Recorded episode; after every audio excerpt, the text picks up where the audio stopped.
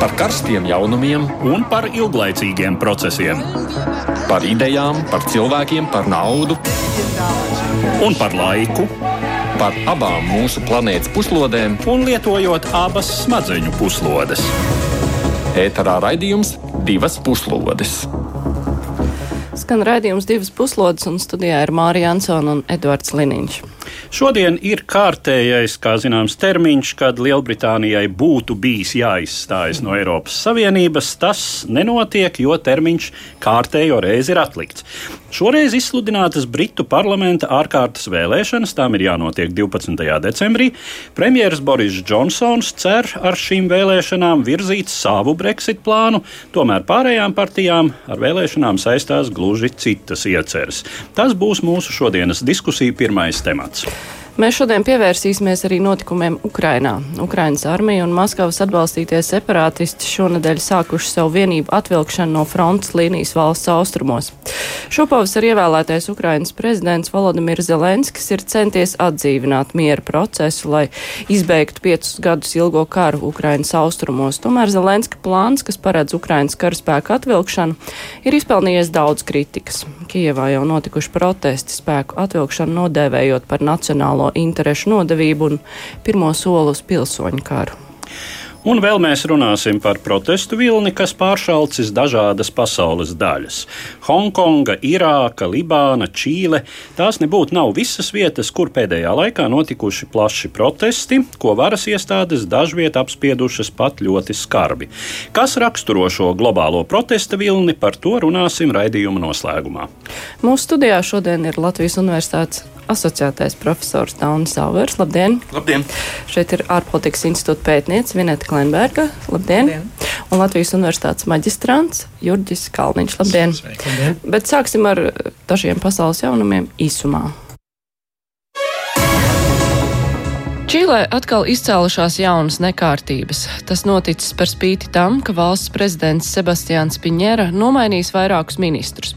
Protesti Čīlē sākās pirms desmit dienām kā reakcija uz metro biļešu cenas palielināšanu, un tie strauji pārauga plašākā kustībā pret dzīves dārdzību un sociāla-ekonomiskajām problēmām. Protestētāji pieprasījuši ekonomikas reformas un valsts prezidenta atkāpšanos. Reaģējot uz protestiem, Piņera nomainījis iekšlietu finanšu ekonomikas, nodarbinātības un vēl četrus ministrus. Tomēr valdība nav nākusi klajā ar citiem ierosinājumiem, kas atbildētu uz protestētāju prasībām. Otradien notikusi pirmā sadursme starp Turcijas armiju un Sīrijas valdības spēkiem, kopš Ankara pirms trijām nedēļām iebruka Sīrijā. Par to ziņo sīriešu cilvēktiesību uzraugi. Tikmēr Turcijas ārlietu ministrs Mevlits Čavašolu sestdien noraidījis Vācijas aizsardzības ministrs Anne Grētas Krampas Karenbauers ierosinājumu veidot Sīrijas ziemeļaustrumos ANO kontrolētu drošības zonu. Viņš paziņoja, ka Turcija šo priekšlikumu neuzskata par reālu un būtu labāk, ja abas puses varētu pievērsties humanitāriem jautājumiem. Grieķijas ziemeļos vietēji iedzīvotāji ceturtdien apmētājuši ar akmeņiem autobusus, kuros tika pārvesti 380 imigranti. Startautiskā migrācijas organizācija pauda bažas par notikušo, bet norādīja, ka tas bijis izolēts incidents. Migrantu skaits Grieķijā atkal strauji pieaudzis. Pēc ANO bēgļu aģentūras datiem šogad Grieķijā ieradušies vairāk nekā 53 tūkstoši iebraucēji, kas ir lielākais skaitlis kopš 2016. gada, kad Eiropa saskārās ar nepieredzētu paredzēti plašu bēgļu krīzi. Vasarā pie varas Grieķijā nāca konservatīvais politiskais spēks jaunā demokrātija, kur par savu mērķi pasludinājusi aktīvu cīņu ar ekonomiskajiem migrantiem. Desmitiem tūkstoši Libānas iedzīvotāji svētdien sadavušies rokās, izveidojot cilvēku ķēdi cauri visai valstī, lai apliecinātu jaunu nācijas vienotību, kas spēja pacelties pāri reliģiju atšķirībām. Libānā kopš oktobra notiek plašas protesta akcijas pret valdību un korumpētiem politiķiem, pieprasot pilnībā pārskatīt valsts politisko sistēmu. Protestētāji svētdien sadavās rokās 170 km garā ķēdē, cilvēku rinda vijās gar Libānas galveno automaģistrāli no Tripolis pilsētas pilsētas valsts ziemeļos līdz tīrai dienvidu daļā. Daudz akcijas dalībnieki bija ieradušies ar bērniem, turēja valsts karogus un dziedāja himnu. Vācijas Tīringenes federālajā zemē svētdien notikušajās vēlēšanās visvairāk balsu izcīnījusi galēji kreisā partija Dilinke, bet otrajā vietā ierindojusies labējā eiroskeptiķu partija Alternatīvā Vācija. Kanclers Angels Merkels kristīgie demokrāti izcīnījuši tikai trešo vietu, kas nozīmē būtisku sakāvu vēlēšanās.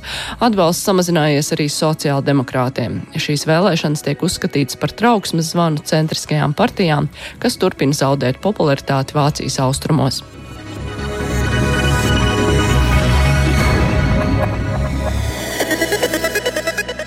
Demokrātiskos. Bet tā tad turpinam ar sākumā pieteiktiem tematiem, un tas ir Lielbritānija, Brexit process un ārkārtas vēlēšanas. Otradien Lielbritānijas parlaments reto reizi darīja paprātam premjerministram Borisam Džonsonam ar pārliecinošu balsu vairākumu apstiprinot nevien viņa rosinātās ārkārtas vēlēšanas, bet arī to datumu. Ar šīm vēlēšanām premjerministrs cer iegūt parlamentu, kas noteiktāk atbalstīs viņa Brexit plānu, kura īstenošana atlikta līdz nākamā gada 31. janvārim. Tomēr šo gaidu piepildīšanās nepavisam nav garantēta. Pašreizējās aptaujas gan liecina, ka konservatīvajai partijai ir solīts pārsvars pār tās galvenajiem konkurentiem leiboristiem. Tomēr vai šis pārsvars saglabāsies līdz vēlēšanām un vai tas konvertēsies atbilstošā deputātu vietu skaitā, to, kā atzīmē apskatnieki, grūti prognozēt. Vēl tiek uzsvērts fakts, ka abu tradicionālo britu politikas smagsvaru, konservatīvo un leiboristu kopējais svars politiskajā spektrā ir sarucis līdz nepieredzēti zemam līmenim - apmēram 60%. Nav īsti skaidrs, kā šajās vēlēšanās varētu izpausties Brexita partijas atbalstītāju piedalīšanās, cik tālu nacionālajā līmenī eiroskeptisko spēku iegūmu līdz šim bijuši niecīgi. Savu ietekmi noteikti palielinās Liberāla demokrātiskā partija, kura konsekventi iestājas par Brexita atsaukšanu, taču nav droši lēšams, cik tieši eiro optimistu balstu tā varētu atņemt saviem konkurentiem. Droši vien konservatīvo galvenais konkurents arī gaidāmajās vēlēšanās būs Leiboristu partija, taču šīs partijas izredzes nebūt nevairotās aptuvenā pozīcija Brexita jautājumā, kas ir un paliek nozīmīgākais šajās vēlēšanās. Tiek minēts arī, ka vēlēšanu rezultātus varētu nozīmīgi iespaidot vēlētāju tendence balsot par ticamāko uzvarētāju un pat slikts laiks, kas daudzus varētu atturēt doties pie vēlēšanu urnām.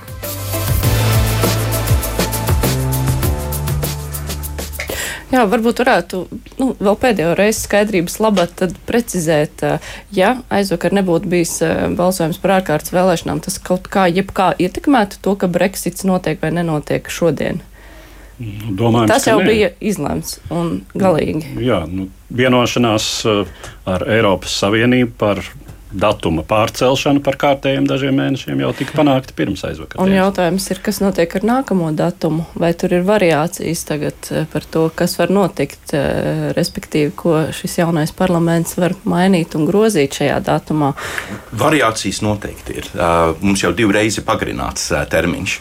Un, um, būs jauna valdība, visticamāk. Nu, jebkurā gadījumā arī ja Džonsons būs pie varas, viņam būs pavisam cits ministra kabinets, viņam būs pavisam cits uh, uh, mandāts. Um, un uh, varētu domāt, ka viņš arī būtu gatavs nu, kaut kā mainīt tās diskusijas. Bet, jebkurā gadījumā, Džonsons visticamāk, protams, gribētu izstāties jau pirms tā 31. 31. janvāra. Jā, jā, jā. 31. janvāra. Um, tātad, ja viņš uzvar vēlēšanās, kas ir maz ticams, bet ja viņš uzvar vēlēšanās, tad visticamāk Brexits notiks tīri strauji. Ja viņš neuzvar, ja viņam nav skaidrs vairākums, tad ir pilnīgi neskaidrs, kas notiks. Tad varētu būt vēl viens referendums, varētu būt eh, mēģinājums eh, vienoties par jaunu eh, līgumu, varētu būt mēģinājums turpināt par esošo ceļu un izstāties 31. janvārī. Ja godīgi, ir, ir, ir pilnīgs jukums un neskaidrība šobrīd. Bet cik daudz ir jaunā referenduma atbalstītāju? Nu, šobrīd parlamentā. Un kuras partijas ir tās, kuras to vēlas tikai leiboristi vai vēl kāds ir? Nē, nu, uh, protams, liberāli demokrāti grib atcelt pilnīgi to izstāšanos, bet viņi būtu gatavi arī, ja būtu tādi apstākļi, atbalstīt arī otro referendumu. Un leiboristiem nav nemaz tik viennozīmīgi, jo jāatcerās, ka liela daļa leiboristi pārstāv vēlēšana apgabals, kas balsoja ar lielu vairākumu par Brexit. Un tā tad viena daļa uh, Brexit, vai piedodiet, Labourist deputāti ir arī uh, par Brexit. Līdzīgi kā konservatīvā partijā bija arī deputāti, kur lielam tika izmest no partijas uh, pirms kāda mēneša, nu, kas bija uh, par palikšanu. Tad tā situācija ļoti, ļoti sarežģīta. Bet, bet ja ir vēlēšanas, nu, droši vien, ka tas būs tas galvenais, uh, par ko vispār runās pirms vēlēšanām. Tad viņiem ir kaut kā jānodefinē, ko viņi domā par jaunu referendumu, nere, referendumu nerīkošanu un tam līdzīgi. Es gribētu arī vēl kādu citu iesaistīt. Leiboristu, līderis jau paziņojis, ka viņš, ja Leiboristi nāk pie varas, tad viņi viņi ir gatavi izsludināt uh, referendumu. Uh, pārējie, pārējie, manuprāt, par to nav runājuši, bet uh, jautājums ir. Uh, Jautājums ir, teiksim, kas notiktu arī šī referenduma gadījumā. Labi, es domāju, pirmais uh, rādītājs uh, tam, ko domā Lielbritānijas pilsoņi par situāciju, būs vēlēšanas. Viennozīmīgi. Attiecīgi, kurš savāks vairāk balstu konservatīvie, leiboristi, liberāli demokrāti, kas atklāti iestājas par palikšanu. Uh, tad, attiecīgi, pēc tam nākamais solis varētu būt referendums. Un, uh, līdz šim tās aptājas, kas ir bijušas uh, iedzīvotāju vidū, arī nav nemaz tik viennozīmīgas. Tieši tāpat kā ir sašķeltas uh, abas vadošās partijas, sašķelt ir arī vēlētāji. Nu, ir arī jo, starposms, jo Leiborists sola ne tikai referendumu, bet vispirms viņi vienosies par jaunu līgumu, un tad tikai to piedāvās vēlētājiem. Tātad, nu, tas ir vēl viens tāds mainīgais, kas var ietekmēt rezultātu, jo mēs nezinām, kā varētu izskatīties tā jaunā vienošanās. Nu, jaunā vienošanās Leiboristu gadījumā droši droši vien būtu krietni mīkstāka nekā tā, kas ir konservatora vienošanās. Tā ir, tas ir skaidrs. Visdrīzāk Leiboristi piedāvātu Eiropai palikšanu, Lielbritānijas palikšanu muitas savienībā, kas atceļ praktiski visas šīs īrijas, ziemeļīrijas robežas problēmas un tā tālāk. Ja? Uh, nu, būtībā, būtībā tas ir tāds uh, pusbrexits varbūt. Ja? Un, nu, un tad tas tiek piedāvāts, un, un tad ir jautājums, kas tad notiek. Uh, jautājums ir arī par to, vai šādā referendumā tiktu vai netiktu iekļauts jautājums par neizstāšanos vispār. Tātad, tas jau arī ir iespējams, ka referendumā var būt mēs izstājamies pēc jaunā līguma, mēs izstājamies pēc iepriekšējā līguma, vai mēs neizstājamies vispār. Lūk. Nu jā, nu tāds diezgan nereāls gadījums, eh, nereāla iespēja, ka liberāli demokrāti varētu iegūt lielāko mm, balsu skaitu parlamentā. Nu, tas, tas laikam nav noticis Lielbritānijā kopš uh, 18. gadsimta beigām. jā, jā, lielam, jā. Ap, apmēram tā. Ja. Uh, bet, uh, nu, arī, arī skaidrs, ka teiksim, šī Brexita partija uh, ja vispār kādu vietu dabūs parlamentā, jo tur, kā tiek atzīmēts, tad nu, nu, šeit ir balsošanas, um, respektīvi mažoritārās balsošanas sistēmas īpatnība. Ka tas, ka tev ir kaut kādi procenti no uh, popularitātes procenti aptaujās, uh, neko nenozīmē, jo, ja teiksim, visos vēlēšana apgabalos tu esi tikai numur divi vai numur trīs, uh, tad parlamentā iekšā netiek neviens no taviem deputātiem. Nu, jā, uh, un, uh, Nu jā, bet, jā, bet tad liberāli demokrāti ir vienīgie, kuri saka, nu, kuri varētu pateikt tā, ka referendums īstenībā jau nav ne, ne, ar lēmumu jā, spēku, un mēs, vienu, mums nav obligāti viņam jāsako.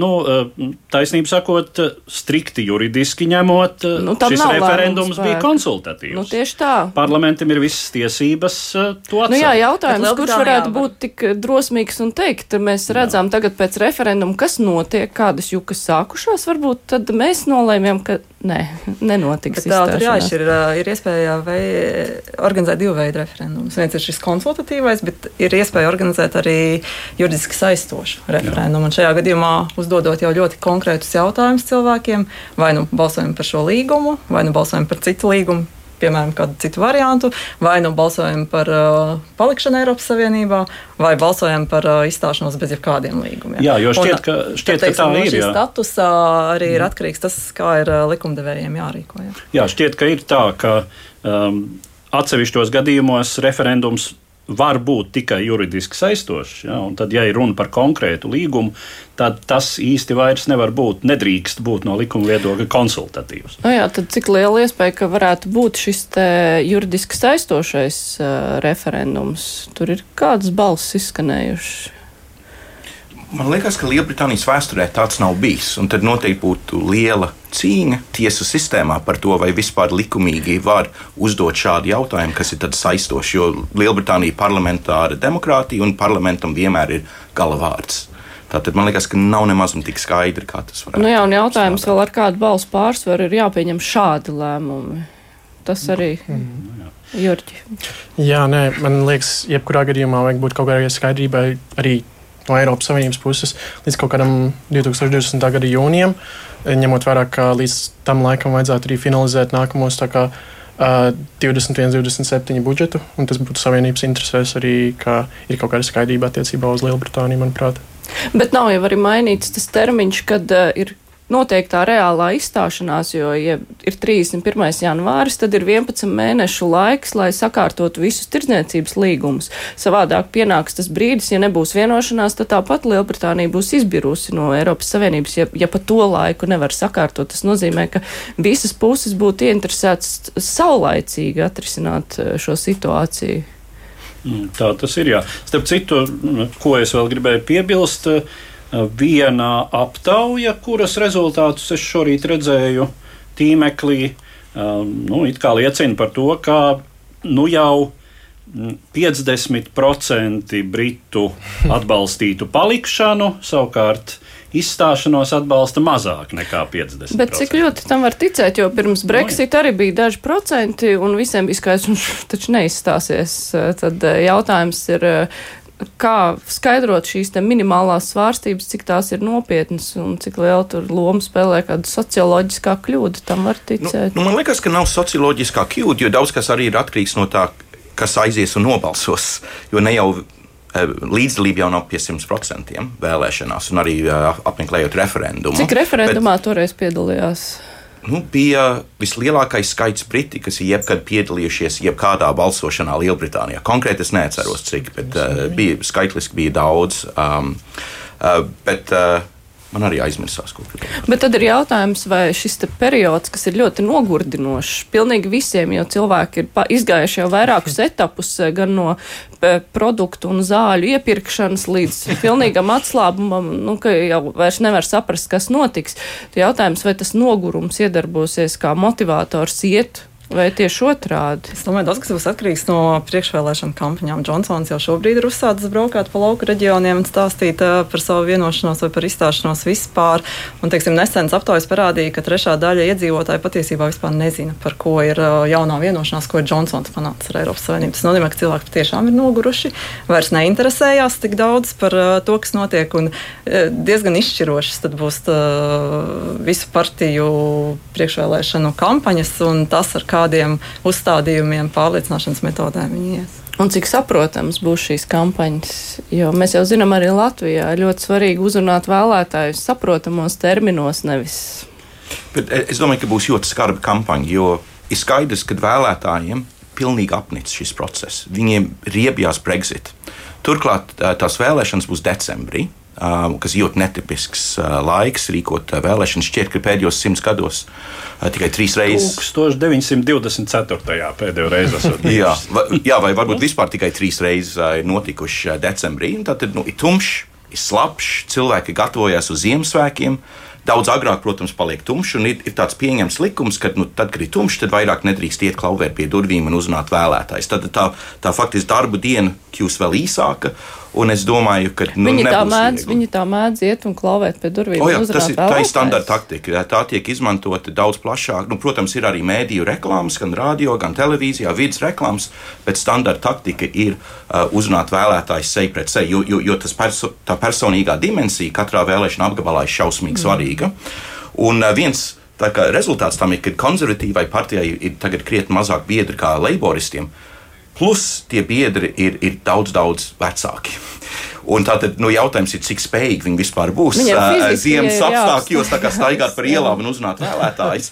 Un leiboristiem šeit ir milzīgi priekšroki, jo viņiem ir, ir, ir, ir daudz vairāk biedri, kas ir iesaistījušies pēdējos trīs gados, gados jauni, entuziasti. Pro, protams, viņi arī ir opozīcijā, tātad viņiem ir lielāks stimuls piedalīties. Un, un, nu, ir ļoti daudz mainīgie, kas varētu ietekmēt vēlēšanu rezultātu. Un, un šobrīd vienkārši nav iespējams pateikt, kā pat apmēram varētu izskatīties. Bet, nu, labi, tad par tiem mainīgajiem, tad kas ir galvenie mainīgie, kas var ietekmēt vēlēšanu rezultātu? Jorģi. Nu, Jā. Pasniedzējs jau Mhm. arī ļoti labi uh, uzskaitīja vairākas lietas. Uh, manuprāt, bija arī ļoti strīdīgi, strīdīgs datums, uh, ka, kad tieši kurā no decembra datumiem vēlēšanas notikt, jo, piemēram, liberāli demokrāti gribēja uh, 9. decembri. Jo, piemēram, Bet nu, unver- tagad 12. ir noteikts, tas vairs nav mainīgs lielums. Ne? Jā, jā, jā. Mhm. Uh, jo, piemēram, universitātes beidz darbu 13. decembrī, un līdz ar to studenti, kas jau būs, kas varētu būt aktīvi kaut kādā 9. decembrī, vairs nevarēs līdz, nu, līdzdalīties uh, 12. jo jau būs beig, beigušās studijas un vairs nebūs nekādas intereses. Uh, tas tāds viens aspekts. Mm. Ja. Un, un, protams, nu, atgriežoties pie, pie tā, ko minēju agrāk, arī uh, cik partijas spēs mobilizēt savus vēlētājus. Nu, gal galā ir trešās vēlēšanas, cik pēdējos četros gados, lai Jā. kaut kā sanāk tā. Un um, cilvēkiem ir daļai apnicis šis process. Bija arī Eiropas parlamenta vēlēšanas, agrāk šogad arī uh, pašvaldību vēlēšanas. Un, nu, tā partija, kas spēs kā, mobilizēt, motivēt uh, uh, savus vēlētājus, nu, tā būs tā, ka varētu būt labākie rezultāti. Ja tās ir trešās vēlēšanas, eh, visu laiku ir bijušas, nu, kopš izsludināšanas brīža tāds īsts termiņš, eh, kad, ir, eh, kad notiek reāli vēlēšanas, jo, jo garāks ir tas periods, tā kā amerikāņiem tur ir jāieš upojās uz milzīgām kampaņām, ilgstošām un dārgām. Šajā gadījumā, nu, tā var saņemties un tad izšaut visu ātri. Nu, pēdējās divas vēlēšanas ir ārkārtas vēlēšanas, un tā tad ir, ir tas Tās arī īsais bija laika- tas laika laiks. posms, jā. Tas nozīmē, ka šai, šis apstākļus priekšrocības kādam dod vai nedod. Tiem vecajiem konservatīvajiem politiķiem. Ne, nu, protams, lielām ir partijām grūtāk. ir, ir, ir priekšroka, jo viņiem ir lielākie resursi. un Tātad arī Brexit partijai varētu būt grūtāk mobilizēties īsā laika brīdī. Un UKIP, kas no agrāk bija tā eiroskeptiskā partija, nu, viņi principā gandrīz pilnīgi izjukuši. Viņu līderis atkāpās pirms dažām dienām. ām, Tātad viņi, viņi ir pat bez premjera kandidāta, bet lielās partijas nu, ir gatavi uz vēlēšanām gandrīz jebkurā brīdī. Bet domāju, tas ir svarīgi, cik ātri partijas spēs pašas nopozicionēties. Jo tur ir jāizšķirās šobrīd, par ko tad nu, tiem pašiem leiboristiem, par ko tad viņi iestājas. Par palikšanu, par brīvās tirzniecības līgumu ar Eiropas Savienību, palikšanu muitas zonā. Kas tad ir tas, nu, teiksim, Džonsona pozīcija ir skaidra, bet vai tā būs visas konservatīvās partijas? Nu, Leiboristu pozīcija ir, ir man, manuprāt, ir iezīmējies apmēram tad konservatīvi ir par uh, izstāšanos, liberāli demokrāti ir par palikšanu, un leiboristi ir par uh, referendumu. Tātad nu, tur faktiski ir trīs skaidras izvēles uh, vēlētājiem. Bet, teiksim, tā referendums jau nav skaidri izvēle. Tas vienkārši pasaka to, ka mēs atkal nodosim jums vēlētājiem lemt par to, kas ir jādara tālāk. Bet ko tad mēs paši leiboristi gribam? To viņš joprojām tā skaidri ir. Bet, manuprāt, tas ir tīri elegants risinājums, jo, nu, kā jau minēju, leiboristi ir dalīti. Varētu tā būt uz pusēm 50-50, kad viena daļa biedri, tie, kas ir ziemeļos, viņi ir par izstāšanos, un tad ir, ir tie, kas ir dienvidājā, kas ir tie profesionāli no advokāta, juristi un tā tālāk, tie ir par palikšanu. Un tā tad, nu, pat, pat, pateikt to, ka mēs esam par referendumu, tas faktiski ir tīri elegants risinājums, lai tik galā ar šo iekšējo plaisu partijā. Bet varbūt tā, ka kāda partija nenopozicionējās tik skaidri, nu, paliek tā, un pēc tam uh, nu, parādās kaut kāda lēmuma, kas varbūt nav ļoti skaidri pirms vēlēšanām noformulēti. Nē, nu, tas varētu būt leiboristu gadījums. Protams, un tā tiek minēta kā šīs partijas lielākā problēma šajās vēlēšanās. Jo nu, arī spriežot pēc um, Korbina kunga retorikas, runā pēc tam, kad parlaments bija nobalsojis par uh, ārkārtas vēlēšanām, kura, kuras pamatonis bija tāds, ka nu, mēs mēģināsim likt saprast, ka Brexits nav vienīgais, par ko šai valstī ir jāuztraucas. Brexits un, kā viņš izteicās, skaistais līgums ar Trumpa kungu. Nu, kas ir teiksim, tātad lielās cerības, ka pēc sekmīga Brexita varētu tikt noslēgts šis uh, tirdzniecības līgums ar Savienotajām valstīm, kur Trumps jau ir nosaucis par lieliskāko, kāds vien ir iespējams. Ja. Bet, uh, nu, ir jau tā vecā anekdote par, par uh, Brexit balsojumu pēc cik tur simts gadiem par seno tradīciju, bet jautājums vai nu, tā, ga, tā vilkšana aiz astes tas var turpināties vai nē, vai tomēr Briti ir nobrieduši nu, tad, kaut vai pēc šīm ārkārtas vēlēšanām, tad nu, vajag, vajag pabeigt. Vai tas var turpināties bezgalīgi? Jo Eiropas Savienība jau arī no savas puses varētu negribēt to turpināt Nē, bezgalīgi. Nu, tā, tā ir anekdote. Bezgalīgs Brexits. Protams, anekdote ar zināmu pamatojumu. Jo tajā brīdī, kad notika referendums un pat vēl pāris gadus pēc tam, nu neviens nedomāja, ka būs tāda, piedodiet, ķēpa ar to visu. Ja. Mm. Bet es domāju, ka jā, nu no vienas puses Eiropas Savienības pacietība, pacietības mērs vēl ir liels, bet tas arī nav bezgalīgs droši vien.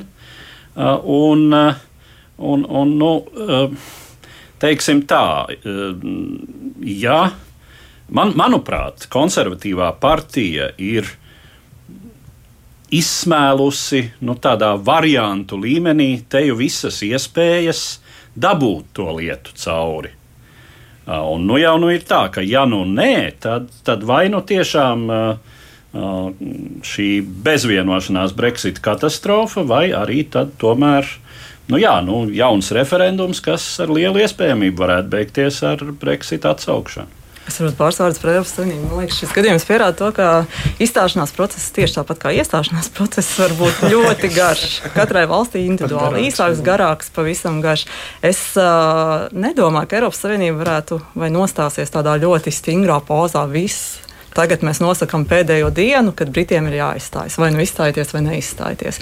Visticamāk, ja Eiropas Savienība ar Lielbritāniju spēs vienoties par uh, nu, par ikdienas darbību, piemēram, par, kaut vai par to, kā Lielbritānija piedalās nākamajā daudzgadu budžetā, ja viņa neizstājās, vai kā Lielbritānija piedalās lēmumu pieņemšanas procesā, ja viņa neizstājas, tad es domāju, ka arī Eiropas Savienība no savas puses šo datumu var atlikt nu, bezgalīgi ilgi. Jā, no interesants jautājums, starp citu, ir, vai šis process kaut kādā veidā varētu ietekmēt Eiropas Savienības nākotnes politisko uzbūvi, uh, vai kaut kādā veidā varētu tikt. Eh, nu, piemēram, atdzīvināts uh, un novests līdz galam šis savienības līgums, kas ir tādā, uh, nu, teiksim, puspieņemtā stadijā un tam līdzīgi. Vai varētu? Jautājums otriem flangam. Jā, nu, Eiropas Savienībai ir interesēs pagaidām, man liekas, ļoti reformēties, un Brexit paņem nu, diezgan daudz resursu, lai uzsāktu reformas. Tāpēc arī Man liekas, tas ir viens no iemesliem, kāpēc uh, Francija uzlika veto Al Albānijas un Ziemeļmaķedonijas sarunu uzsākšanai par iestāšanos. Un tas kā bremzē visus tos pasākumus, manuprāt, kas nav forši. Bet, protams, arī pašā Eiropas Savienībā viss nav tik vienkārši. Nu, sākot no rītdienas, laikam būs pagaida komisija, kas pārvaldīs šo sistēmu. Jo um, Eiropas parlaments nav laicīgi apstiprinājis, vai drīzāk deva veto trim uh, eiro komisāriem. Un tas liecina par to, ka um, Eiropas Savienībā varētu būt arī tīri liela izaicinājuma nākamos piecos gados. Tur ir tīri interesants politiskās partijas, ievēlētas uh, Eiropas parlamentā. Ir, uh, Dažas tādas, nu, ir arī mainījies tas sastāvs lielās kustībās. Nu, piemēram, Eiropas Tautas partijā ir krietni vairāk to, teiksim, vairāk skeptiski deputāti, kā ir bijis līdz šim. Tātad arī iekšpusē tas varētu izskatīties mazliet savādāk. Un, nu, es domāju, ka nav pilnīgi skaidrs, kā izskatīsies Eiropas Savienība nākamos 4-5 gadus. Es pie, piekrītu Jurģim, ka ir tur lieli un diži plāni, lai kaut ko darītu savādāk, bet nu, vai tie plāni īstenosies? Nu, ja, ja pat nespēja laicīgi apstiprināt savu vadību, savu Eiropas komisijas vadību, nu, tad nu, kā nu vēl varēs pieņemt kaut kādas dižas lēmumus par radikāli jaunu Eiropu? Nu, diez vai. Bet, ja ir tāda situācija, nu, tomēr uh, Eiropas Savienībai un Lielbritānijai vēl nāksies runāt. Nu, protams, mēs nezinām, ka, kā beigsies šie vēlēšana rezultāti, bet nu, gan jau, ka nāksies runāt. Un jautājums, vai šāda Eiropas Savienība, kurai pašai ir problēmas visādas, vai varēs nu, ar tādu stingru, stingru pozīciju iet eh, pretī. Nu, to mēs redzēsim tad, kad sāk strādāt tā jaunā komisija un, un, un arī citi atslēga amatpersonas. Es domāju, Eiropas Savienībai nu, nezinu, katru piecgadu, katru gadu tiek radīta sajūta, ka ir ļoti dramatiska situācija. Tagad ir ļoti daudz izaicinājumu, ir ļoti daudz šobrīd ir sliktāk nekā bija iepriekš. Bet nu, patiesībā Eiropas Savienība saskars ar izaicinājumiem katru dienu, katru gadu. Arī 30 gadus atpakaļ viņi bija. Un Eiropas Savienība nu, savu unikālā rakstura pēc nu, ir spējusi tomēr sadarboties, vienoties, atrast risinājumu. Tā kā es domāju, ka arī šajā gadījumā risinājums būs. Varbūt ambīcijas ir lielas, bet uh, tas risinājums būs vairāk tāds uh, piezemētāks, bet risinājumi jau būs. Turklāt es esmu patīkami pārsteigts, cik uh, Eiropas Savienība ir bijusi vienota attiecībā uz Brexit jautājumiem līdz šim. Nu, nesk, neņemot vērā tur uh, Makrona iebildumus kaut kādus, bet lielos vilcienos tur Jā, vienā var, vilcienā. Var tikai piekrist. Un tas, ka efektīvi darbojas tas princips, ka dalība valsts, kura paliek Eiropas Savienībā, nu, proti, īrija, mums ir svarīgāka par to dalību valsti, kura kaut ļoti ietekmīga un nozīmīga no Savienības aiziet. Bet es domāju, šī vienotība jau ir ļoti svarīgs signāls arī katras dalībvalsts vēlētājiem. Ka mēs patiesībā negribam izstāties no Eiropas Savienības. Mēs gribam būt Eiropas Savienībā, nevis, no, nevis ārpusē. Līdz ar to, mm. izrādot vienotību, visi līderi to arī pasaka. Nu jā, bet mēs turpināsim ar Ukrajinu.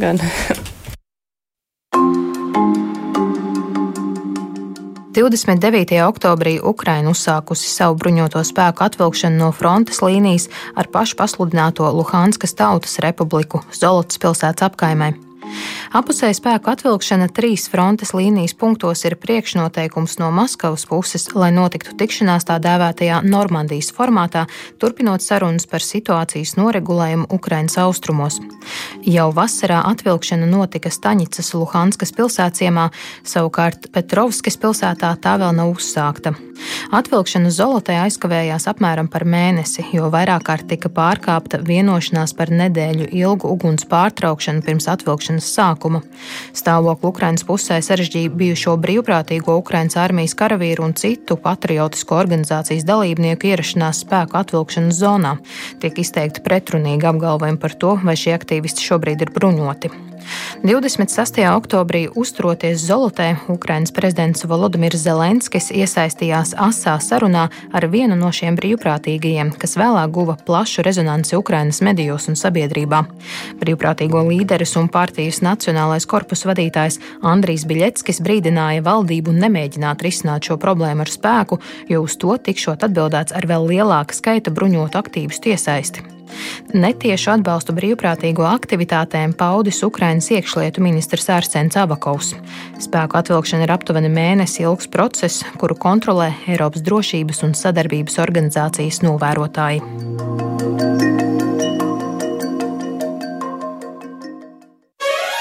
Divas puslodes. Nu jā, Zelenskis pirms vēlēšanām solīja izbeigt karu Ukrainā. Ukraina ir nogurusi no kara. Kāpēc ir tādi iebildumi pret to, kas notiek tagad? Nu, Ukraina ir nogurusi no kara. Tas ir tāds ļoti vispārīgs un uh, maz ko izsakošs izteikums. Uh, starp citu, nu, vispirms um, nogurums no kara, mm, nu, teiksim tā, ja jūs uh, būtu Ukrainā, piemēram, Kijevā, nu, Kijevā karš praktiski nav jūtams. Bet vai karš nav jūtams gan ekonomikā, gan eh, jebkādus nākotnes plānus ceļot? Nu, tas taču ir kaut kas, kas ir tuvu blakām. Arī tad, kad Ukrainā, sāka, eh, tad, kad Ukrainā sākās Ukrainas notikumi, arī mēs te sākām Jā. baidīties, un arī mēs sākām baidīties kaut kādus lielus plānus taisīt. Tas ir tiesa, tas bija, bet eh, šī negatīvā tendence zināmā mērā ir pārvarēta. Lielā mērā arī pateicoties brīvās tirdzniecības līgumam starp Ukrajinu un Eiropas Savienību. Ukrāņu iespējas un bezvīzu režīmam, Ukrāņu iespējas ceļot pa Eiropas Savienību ir krietni pieaugušas līdz ar to. Tas arī ļoti aktīvi notiek. Un šobrīd ir stabilizējusies, vismaz stabilizējusies arī Ukraiņas ekonomika. Līdz ar to nu, teiksim, nogurums no kara uh, nu, kā jau teicu, tas, eh, tas īsti nav, eh, nav kritērijs katrā ziņā pieņemt tādus vai citādus lēmumus. Jā, protams, eh, Zelenskis to solīja, un viņa um, nu, grandiozie panākumi viņa un viņa partijas vēlēšanās. Protams, viņam dod zināmu mandātu, lai gan te ir jāsaka, ka nu, atkal kara tēma bija tikai, no viena, tikai viena no tām, ar kurām, viņ, ar, ar kurām viņš startēja un pateicoties kurām viņš iegūst šos panākumus. Nu, bet nu, jāsaprot, sabiedrība jau sevišķi tādā sarežģītā situācijā netūlīt nav vienota. Un Ukrainā ir ļoti daudz to, kuri uzskata šo Zelenska politiku par nodevību, kuri uzskata to par padošanos, un viņi ir gatavi protestēt. Nu, un, protams, jāsaprot, ka tie ir ļoti. Tas ir lielums, lielais vairums no tiem, kur reāli ir karojuši. Jā, tātad šie veterāni. Kas ir tas, ko viņi gribētu, lai Zelenskis dara? Nu, droši vien es, es droši vien neriskēšu atbildēt um, ļoti kvalificēti šai gadījumā, jo es neesmu īpaši pētījis, vai, un, un, un es arī nezinu, vai vispār mm, viņi. Uh, vai viņiem ir kāda programma, ko vajadzētu darīt citādi? Respektīvi, nu, Uh, visdrīzāk tas ir tā, nu, ne soli atpakaļ. Ja? Varbūt dažos gadījumos pat šie cilvēki gribētu, lai kara darbība tiktu aktivizēta no Ukrainas puses. Bet es domāju, ka šis, šis gadījums varbūt parāda to, ka nu, vienalga, kāds būtu, kādi soļi tiktu spērti, teiksim, armija tiktu atvilkta vai netiktu atvilkta, abos gadījumos būtu protesti. Jo šajā gadījumā protestē tie, kas uzskata šo par padošanos Krievijai, pretējā gadījumā protestē tie, kas uzskata, ka mēs pa ilgu turpinām karu un tas karš mums nes milzīgus zaudējumus. Un, uh, es teiktu, tā no diviem aspektiem uh, šāda rīcība ir saprotama. Pirmkārt, prezidents Zelenskis uh, tiešām īsteno savus priekšvēlēšanu laikā uh, izteiktos solījumus, viņš iet soli pa solim priekšu. Uh, un uh, no, otrs aspekts, teiksim, nu, kara darbības laikā. Tur ir gājuši bojā 13,000 cilvēku. Tas ir ļoti daudz. Pusotrs miljons ir pametis savas mājas un uh, emigrējis uz citām vietām Ukrajinā. Nu, teiksim, cilvēciski tā ir uh, katastrofa. Jautājums ir, uh, par to, kas būs tālāk. Labi, šobrīd šos spēkus atvelk, bet kas tad būs tālāk? Kāda tad būs tā vienošanās ar Krieviju, vai vismaz kāds būs modelis, uz ko mēs ejam, lai vienotos ar Krieviju? Jo tas, no kā varbūt arī baidās šobrīd um, protestētāji par padošanos Krievijai, ir tas, ka, piemēram, šis uh, austrumu uh, reģionu un uh, Krimas status, ka viņš varētu tikt iesaldēts uz mūžiem, līdzīgi kā Gruzijā vai, ne, uh, vai uh, Piedņestrā iesaldētie konflikti, kuru dēļ Ukraina Ukraina mūžīgi paliks Krievijas ietekmes sfērā un nekad nevarēs iestāties ne Eiropas Savienībā, ne mm. NATO, jo šie konflikti netiks atrisināti. Nu jā, un uh, faktiski viens motīvs, kas pastāvīgi tika minēts, un arī kāpēc uh, šie brīvprātīgie ir devušies uh, šobrīd atkal uz šo frontes joslu, proti, nu, ir neticība, ka Ukrainai atvēlkot spēkus pēkšņi, tā sacīt, pretējā puse nemēģinās to izmantot tīri militāri. Un tas, ka Krievijai Eh, ļoti daudzi netic.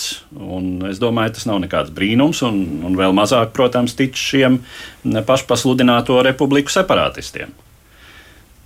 Un kāda varētu būt tālāk, tālākie scenāriji, kā var attīstīties notikumi? Nu, tās potenciālās alternatīvas jau tikai trīs vien bija, kā jūs pareizi arī teicāt, mīņāties tāpatās uz vietas, iesaldēts konflikts, kas neļauj attīstīties Ukrainai tālāk uz Eiropas integrāciju, vai atsākt pilnu kara darbību, mm, Austrum Ukrainā, vai arī. Uh, jā, tāpēc Zelenskis vienkārši pieņēma lēmumu to nogriezt un virzīties uz priekšu. Uh, nu, man, man liekas, ka Zelenskis gatavojās uz jaunu posmu Ukraiņas attīstībā, jo gal galā tajā pašā dienā Mariupolē notika liela ārvalstu investoru konference, kur um, Ukraiņas premjerministrs paziņoja, ka ir plāns, ka nākamos, laikam, nākamos trijos vai piecos gados grib eh, audzināt eh, IKP par 40%, kas, protams, ir nereāli.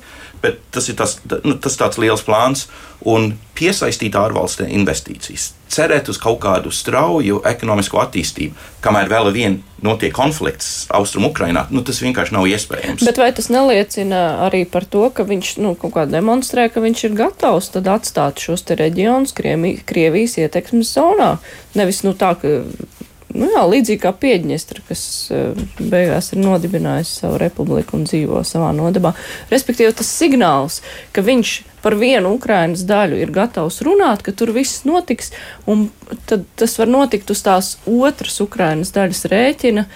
Nu, uz šiem te austrumu, austrumu Ukrainas rēķina, kur savukārt tie konflikti tā arī paliks iesaldēti. Nu, pirmkārt, jāņem vērā tas, ka lielākais, lielum lielais iedzīvotāju vairākums tomēr šajās, šajos austrumu Ukrainas reģionos, nu, viņi ir um, šīs, uh, šo separātismu atbalstoši. Uh, un, uh, līdz ar to arī, protams, nu, tas ir koks ar diviem galiem, jo Ukrainā jau arī netrūks tādu, kuri uzskata, ka nu, no viņiem vispār vajadzētu tikt vaļā, un ka tie nav nekādi ukrāņi.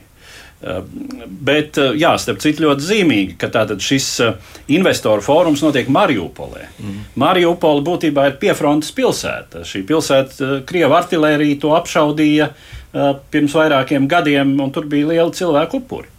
Ja, tas, ka tieši tur tiek rīkots šis um, fórums, uh, tas, es domāju, ir, tas, ne, tas nekādā ziņā nav nejauši. Uh, un um, es gribētu teikt, ka tāds pareizi iesaldēts konflikts eh, var arī netraucēt valstī iestāties eh, Eiropas Savienībā. Vai katrā ziņā cieši integrēties, jo nu, eh, bezvīzu režīms jau šobrīd pastāv. Ja? ja tā būtu ļoti liela problēma, tad bezvīzu režīms ar, ar Eiropas Savienību Ukrainai nebūtu iespējams. Un atcerēsimies Kipru, ja? kur uh, pamatīgi iesaldēts konflikts pastāv jau uh, desmitiem gadu. Uh, Uh, un uh, tas netraucēja Kiprai iestāties Eiropas Savienībā. Nu, bija mēģinājums šai procesā arī šo konfliktu atrisināt, uh, bet tas neizdevās. Tomēr Kipra ir Eiropas Savienības dalība valsts. Um, un, um, jā, tur ir problēmas. Jā, piemēram, tagad uh, arī Eiropas Savienība pastāvīgi. Um, nu, tas ir viens spriedzes moments Eiropas Savienības attiecībās ar Turciju, jo Turcija nodarbojas ar uh, fosīlo, fosīlā kurināmā izpēti vidusjūrā pie Kipras krastiem, ko tai nebūtu tiesības darīt. Bet, nu, tomēr, jā, neviens tāpēc neiesaldē Kipras dalību Eiropas Savienībā, piemēram. Jā. Bet tad tie nākamie soļi tad ir šīs vēlēšanas, kas notiks, vai tas vēl nav? Nu, par to pagaidām, par to jau mēs arī runājām, par šo Steinmeieru formulu, eh, kuras eh, teiksim, principiāla akceptēšana ne tuvu vēl nenozīmē konkrētu vēlēšanu datumu. Pie tam eh, nu, tās ir vietējās vēlēšanas. Es nezinu, kāda līmeņa vietējā pārvalde šādās vēlēšanās tiktu ievēlēta. Jā, es arī nezinu, vai tas ir jau definēts. Bet jautājums ir, kāds ir iedzīvotāju sastāvs, kas ir palicis vispār, kas tur dzīvo, jo ļoti daudz cilvēku taču ir vienkārši aizbēguši projām. Un tad kā noskaņot, kāds noskaņojums ir cilvēkiem, kuri ir palikuši šajos reģionos? Nu, es domāju, kā jau teicu, tiem, kuri tur ir palikuši un joprojām uzturas, tiem šī situācija principā ir pieņemama. Tā tad tāda relatīva nošķirtība no Ukrainas. Un es domāju, viņu pamatnoskaņojums, nu arī zīmīgi ir arī tas, ka Ukrainā ir vairākas prokrieviskas partijas. Pēdējās vēlēšanās lielākā daļa no viņām apvienojās vienā blokā. Uh, un šis bloks faktiski, manuprāt, ieguva otro labāko rezultātu tūlīt pēc uh, prezidenta partijas tautas kalps. Uh, šis bloks un, un par šo bloku konsekventi balso tie reģioni, kas ir nu, Donbass, ja? tie Ukraiņas reģioni, kas ir līdzās šīm separātiskajām republikām, piekļaujas tām. Ja? Tā kā nu, šo rajonu iedzīvotāju noskaņojums tas uh, netuvu nav uh, tāds uh, Ukraiņas standarta patriotisms. Tas nozīmē, ka Ukraiņa nebūtu interesēta reģionālās vēlēšanās tur. Kas ir skumji, nu, neskumji, bet uh, tas, ka Austrum Ukraina, tieši arī Donbass apgabals, ir demokrātiskā ziņā visvājāk attīstītākais reģions Ukrainā. Tur nav demokrātisko tradīciju. Uh, ja, piemēram, Latvijā uh, uh, demokrātiskās institūcijas ir spēcīgas, bet tā uh, pilsoniskā sabiedrība ir vāja, tad uh, Austrumukrainā nav neviena no otra, kas ir kā, spēlē lielu lomu to vēlēšanu nu, kā, leģitimitātē patiesumā. Jā, bet nu, mums ir jāturpina ar globālo protestu vilni. Protestu uzbangojums, kuru pasaule piedzīvojusi pēdējās nedēļās, savā apjomā ir lielākais kopš šīs desmitgades sākuma, kad arābu pavasara masu demonstrācijas sakrita ar okupai kustību rietumu finanšu centros. Pašreizējiem protestiem dažādās valstīs un reģionos ir atšķirīgi motīvi un atšķirīga ir arī varas reakcija. Joprojām turpinās jau mēnešiem ilgie protesti Hongkongā, lai gan to tiešais iemesls, personu izraidīšanas likumprojekts 23. oktobrī tika tika atsaukts. Spānijas augstākās tiesas lēmums, piespriežot reālus un ilgus cietumsodus vairākiem Katalonijas secesijas kustības līderiem, izraisīja vairākas dienas ilgus vardarbīgus protestus Barcelonā un citās Katalonijas pilsētās. Čīles galvaspilsētā Santiago protestu konkrētais iegansts ir braukšanas maksas palielinājums sabiedriskajā transportā, taču tajos izpaužas neapmierinātība ar vispārējo sociālo situāciju, tā skaitā zemo izglītības kvalitāti valstī. Neapmierinātība ar valdības sociālo un ekonomisko ekonomisko politiku ir iemesls protestiem Haitī un Ekvadorā. Pēdējā gadījumā panākot valdības piekāpšanos un atteikšanos no Startautiskā valūtas fonda iniciētās taupības pasākumu paketes. Vairāk politiska satura ir protestiem tojos austrumos, Irākā, Libānā un Eģiptē. Šeit ielās izgājušie sociālo-ekonomisko problēmu cēloņus saskata politiskajā sistēmā un attiecīgi prasa konstitucionālas izmaiņas vai pie varas esošo spēku nomaiņu. Kamēr Libānā vara ir salīdzinoši gatava dialogam Irākā pret demonstrantiem raidīts bruņots spēks, kā rezultātā 21 cilvēks zaudējis dzīvību. Ēģiptes militārā diktatūra izvērsusi striktus drošības pasākumus, apslāpējot protestu kustību, pirms tā izvērsusies plašumā. Komentētājs saskata līdzīgas iezīmes visos šajos protestos - sakritību, protestu formās, sociālo tīklu ietekmi un, kas visnozīmīgāk, protestētāju vecumu. Kā atzīmē izdevuma The Guardian apskatnieks Džeks Šenkers, vairums no šobrīd protestējošajiem ir finanšu krīzes bērni, paudze, kas pieaugusi dīvainajos un druģēnajos gados pēc ekonomiskā ekonomiskās un politiskās konvencijas sabrukuma un pirms iezīmējusies jauna, kas varētu aizstāt bojā gājušo. Varētu būt tā, ka vieni protesti ir iedvesmojuši otrus. Jā, noteikti. Um, Politikas zinātnē ir tāds termins demonstration effect. Uh, kas jau ir ilgstoši. Nu, tu, tad, tas var palīdz mums, palīdzēt mums saprast, kāpēc 20. un 30. gados iepriekšējā gadsimtenī bija tas autoritārisms vilnis centrālā un austrumē Eiropā. 89. gadā, kāpēc sekoja revolūcijas viena pēc otras Austrumē Eiropā, un viennozīmīgi šobrīd arī tas pats notiek. Bet tas nav tikai īsā laika posmā. Faktiski div, kopš šī gadsimta sākuma stabili ar katru gau, gadu aug demonstrāciju skaits. Tātad nu, vienkārši tas ir turpinājums jau eksistējošai uh, tendencei. Un šobrīd kaut kā ir sanācis tā, ka ir ļoti manāmi un ļoti redzami šīs demonstrācijas. Bet es atkārtoju, tas nav nekas jauns. Tas ir gribētu atzīmēt to jauno cilvēku redzamību un lomu, jo patiešām, manuprāt, visos tajos protestos mēs redzam, ir jauni cilvēki ar ģimenēm, ar bērniem, kas piedalās uh, un prasa pārmaiņas. Es domāju, ka tā ir paudze, kas patiešām jau ir nogurusi no jostu savilkšanas, nesaprotot arī, kāpēc viņiem tas ir jādara ja tajā pašā laikā uh, viss apkārt vai politiskās elites vidū ir korupcija, naudas šķērdēšana un tam līdzīgi. Un, uh, es domāju, neviena protesti parāda to, ka jaunieši grib un vēlas uzņemties līderību. Bet... Klimata pārmaiņas ir vēl viens jautājums. Grēta Thunberga, 36 aktīvisti, kas burā uz uh, klimata samata Čīlē, kas šobrīd ir atcelts, vai ne? Bet, uh, nu, principā jaunieši kaut kur izrādīja savu iniciatīvu, ka viņi vēlas pārmaiņas. Bet, bet tajā pašā laikā tas, ir... tas katalizators katrā vietā ir cits. Mēs varam mēģināt saistīt Hongkongu un Kataloniju, kur ir tādas politiskas lietas ļoti. Tajā pašā laikā Čīlē tas sākās ar metro biļetēm vai Libānā ar WhatsApp bet, tarifiem. Bet viena lieta, nu, pirmkārt, jaunie cilvēki ir vienmēr tie, kas ir piedalījušies demonstrācijās. Tas jau nav nekas jauns. Tur gan, revolūt, gan, gan revolūcijā Sanktpēterburgā 17. gadā un tā tālāk. Tie vienmēr ir jaunie cilvēki. Tie nav ģimenes cilvēki manos gados. Tie nav pensionāri, kas iet uz ielām, tie ir jauni. Mums nav ko zaudēt. tātad, tā, tā, mani pārsteigts, es drīzāk būtu pārsteigts, ja tur būtu tā kā masveidā pensionāri uz ielām, kas kaut kā nu, prasītu izmaiņas. Tas, tas tie, tā tiešām būtu revolūcija. Nu jā, protams, ka ir kaut kas, kas ir, varētu teikt, jau gadsimtiem sens, jo nu, šie revolūcija viļņi vismaz kopš 19. gadsimta. Uh, ir tas fenomens, nu, atcerēsimies 1848. gada tautu pavasari, kad komunikācijas līdzekļi bija krietni mazjaudīgāki un lēnāki nekā tas ir šodien. Tas, kas ir varbūt šodien, ka jā, šī iedvesmošanās var būt patiešām globāla.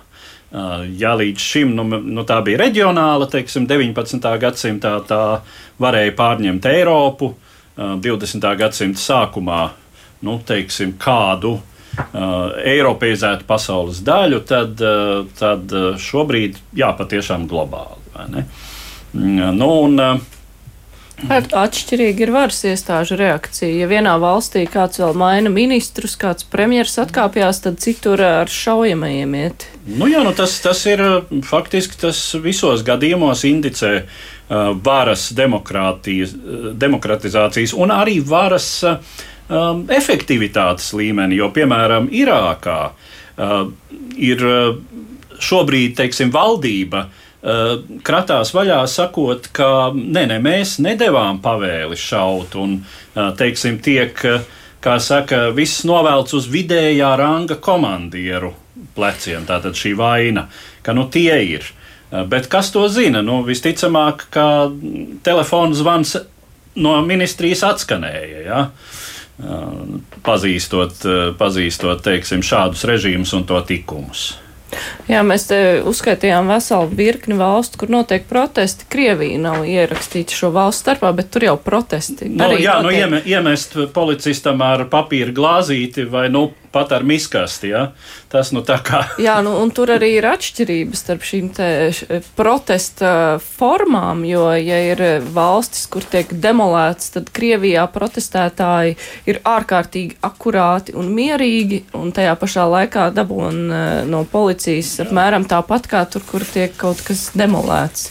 Nu, tieši tā, jā. Nu, salīdzinājums varētu būt, teiksim, uh, Ķīna, kur, nu, kur pašā kontinentālajā Ķīnā absolūti nav pat domas par to, ka tur varētu kāds demokrātijas bacīls no Hongkongas nejauši iesprukt. Eh, nu, tāpat Ēģipte, ja, kur piemēram um, atsevišķos pārbaudas punktos, teiksim, visiem liek, uzrādīt mobilos telefonus, lai pārbaudītu saturu. Ja Jā. tur pēkšņi ir īziņa, kas aicina iziet ielās, tad tu esi policijas iecirknī un iespējams uz gadiem cietumā. Jā, acīm redzot, šis temats tomēr būs vēl plašāk jāturpina, jo man ir jāsaka paldies Dauna Sauvers, Vineta Kleinberga, Jurģis Kalniņš un uh, arī Edvards Liniņš un es Mārija Ansona bija šīs dienas raidījuma divu puslošu studijā. Vislabāk! Divas puslodes!